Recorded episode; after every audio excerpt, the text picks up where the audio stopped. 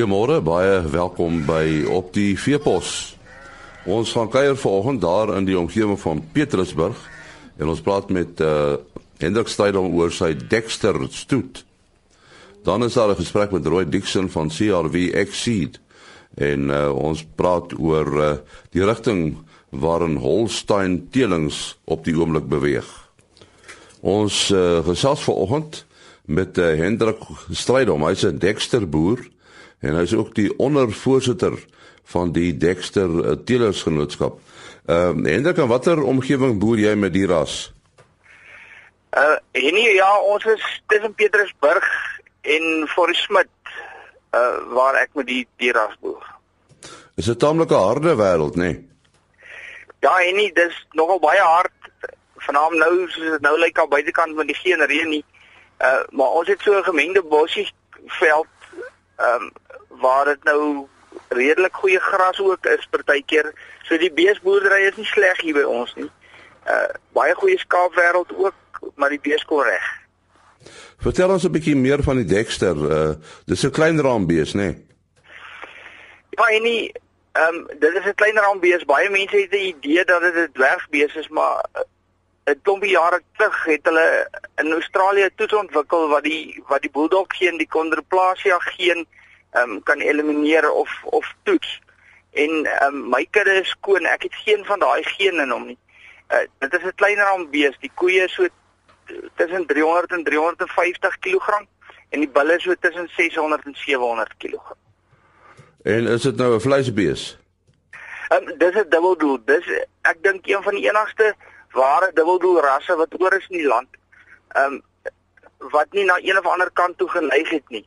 Uh, so dit is 'n dubbeldoel bees. Uh Hendrik, hoe groot is jou st uh, jou stoet?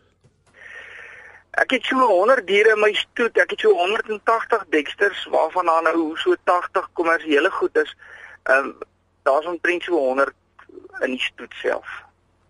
Ja, ja seleksie is seker baie belangrik vir jou, né? Nee? Ja, en nie, dis een van die eerste goed toe ek begin het, het ek het ek 'n besluit geneem as 'n mens gaan kyk na die statistiek wat oor jare opgebou is, is die koei kalf speen verhouding van die Dexter die hoogste van alle rasse. En en ek het bietjie gaan kyk hoe lyk die goed en besluit dat uh, as 'n koei nie kan 55% speen van haar eie liggaamsmassa nie, dan moet sy uit die kudde uit. En ehm um, by my gaan ek streng 'n koei moet elke jaar vir my 'n kalf gee en sy moet ten minste 55% speen van haar eie liggaamsmassa. Die gemiddeld van my kudde op die oomblik loop so op 58%. Ja, die feit dat eh, 'n uh, klein ram dier is, is seker uh, natuurlik baie goed vir daardie soort omgewing waar jy is. Ja, en jy weet jy dit dit help baie en dis bees wat ehm um, nie selektief vreet nie. So hulle eet alles. Jy weet uh, dis een ding en die ander ding is hulle hulle stap maklik. Dis nie beeste wat sukkel om te stap nie. So as jy met hulle in die in die rande boer dan loop hulle tot bo. Weet ehm um, ek sê altyd hulle hulle wy tot daar waar die koedes wy. Hulle sukkel nie. Ehm um, as jy ou gaan kyk in die Karoo en in die in die Kalahari in die ou tyd, dis maar die koeie wat die mense gehad het wat die wat die melk en die en die botter en die en die room voorsien het. Ehm um, dis eintlik 'n baie geharde beeste. Ou sal nie dink dat so Europese beeste so hard kan wees nie. Maar hulle is regtig baie harde beeste. Jy sê Europees van watter land kom hulle eintlik? Hulle is eintlik oorspronklik van Ierland af. En en hoeveel vleis uh, kan kan die diere per hektaar produseer? Ja, en dit is nou moeilik om te sê. Dit gaan nou maar oor oor jou um, grootste eenhede wat jy by jou kan aanhou. Ehm um, die departement van landbou sien dit ekstra as 0.7 van 'n groot vee eenheid. So by my hou ek 3 Dexter koeie aan in die plek van 2 groot raambeeste. Ehm um, wat beteken dat ek dan nou een kalf meer kry en ehm um, as ou na die gewigte gaan kyk, die gemiddelde speengewig van my ehm um, vir die afgelope paar jaar was so tussen 80 180 en 195 kg. Ehm um, En as ou dan nou die, die somme gaan maak, dan wen jy regtig met om met Dexter te boer, om met die kleiner raambees te boer. En en is daar 'n goeie vraag na Dexters? Ja, op die oomblik is daar 'n goeie vraag en die die ehm um, vernaam die vroulike diere is daar regtig 'n goeie vraag voor ehm um, mense sit, nie met hulle nie. En ek dink hoe hoe meer die ras bekend word as 'n as ras waarmee ouens kommersieel kan boer, hoe groter gaan die vraag word. Weet as jy ou gaan kyk na die toestande daar buitekant op die oomblik is is dit nie is dit nie maklik nie en ehm um, ou moet maar gaan kyk na goed wat wat kan oorleef. En ehm um, as jy dan nou vir hulle moet kos gee dat jy hulle dan nou kan alwelik sê ekonomies kos gee. So ek neem aan die boer ook met skaap.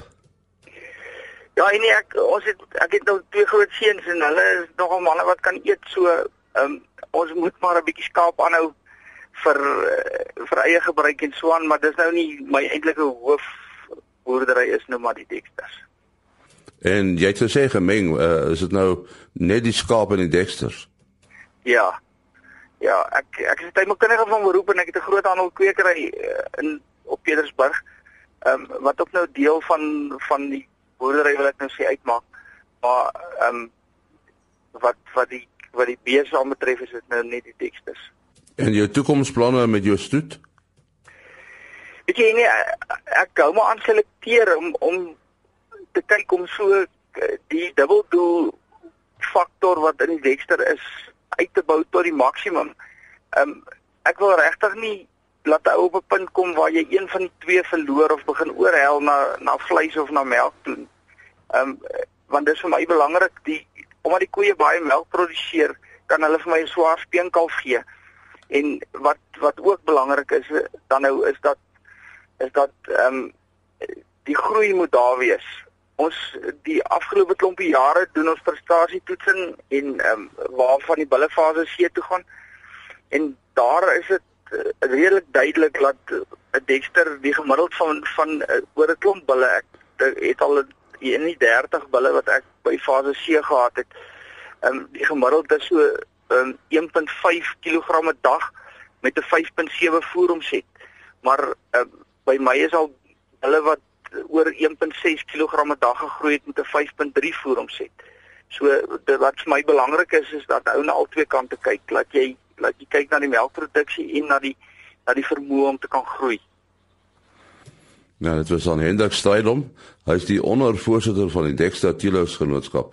En soos jy gehoor het, hy boer met die ras daar in die Petrusburg omgewing in die Vrystaat. Ons uh, gesels nou met Roy Dixon. Uh, Roy is baie bekend. Hy is van CRVX Seed.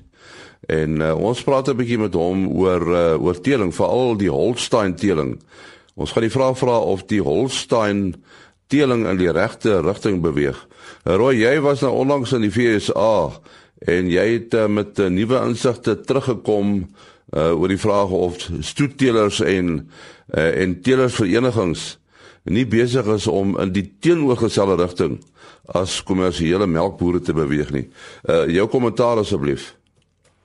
Ehm um, Jenny, ons het ehm um, in Suid-Afrika het ons baie diverse tipe uh, uh stable boerdery en uh ons begin al die diere en diere word in skaars. Veral met hierdie nuwe melkprys van daar baie moeilik volvoer is dat jy dit wins uh uh te maak met met volvoer. Um ons uh, as die kommersiële boere of kleiner koeie het wat meer produktief is. En uh, met my besoek in Amerika het ek gesien dat die direkteur waar hulle teel die diere raak net groter en groter en uh en benodig net meer en meer voer om uh jy weet vir hulle onderwys al produseer hulle baie meer melk as hulle uh, as hulle meer uh produktief is my groot vraag Nou, nou goed, jy weet wat wat sou hulle stal gemiddeld tipies wees die Holsteins in Amerika? Ja, hulle sal hier tussen 32 en 38 wees dus ons kopkuddes in Suid-Afrika. Maar ehm um, weet maksimum produksie is nie altyd die uh, maksimum wins nie. Ons boere in Suid-Afrika wat uitgebrei het in die melkbedryf is ons boere wat op die weidingstelsel in semi-weidingstelsels is. Ja, hy hier in Tsitsikamma en Natal en hier die Ooskaap. En dis die manne wat die geld gemaak het oor die laaste 10 jaar. maar hulle het heeltemal wegbeweeg van groot halsband, hulle het gegaan na kleiner tipe diere, daar word baie meer skemen ingevoer van uh, New Zealand, Australië en uh, die balle wat hulle gebruik van Europa en Amerika is die baie kleiner tipe halsband. En en sou jy dan sê dat dit die regte rigting is, die rigting wat mense moet inslaan? Ek dink uh, tot in die volksstelsel in Suid-Afrika uh gaan dit baie uh, gaan mense die toekoms kyk na meer middelmatige of 'n kleiner tipe halsband wat baie beter uh, uh baie meer effektief is. Ons kyk na uh gesondheid van diere, dis daar dis baie meer belangrik om die keelregte waarom kom en is uh, uh wat spesiaal in Engels sê efficiency. Uh die mense praat al van kilogram melk te produseer vir kilogram vlees wat ek dink 'n goeie maatstaf is. Ehm man um, die groot holstans word baie baie meer melk produseer om uh, op dieselfde efficiency te wees. En dit dit dit, uh, die kleiner holstans produseer baie meer uh, weet uh, uh, hulle onderhoud wat doen is baie minder as die groot holstans.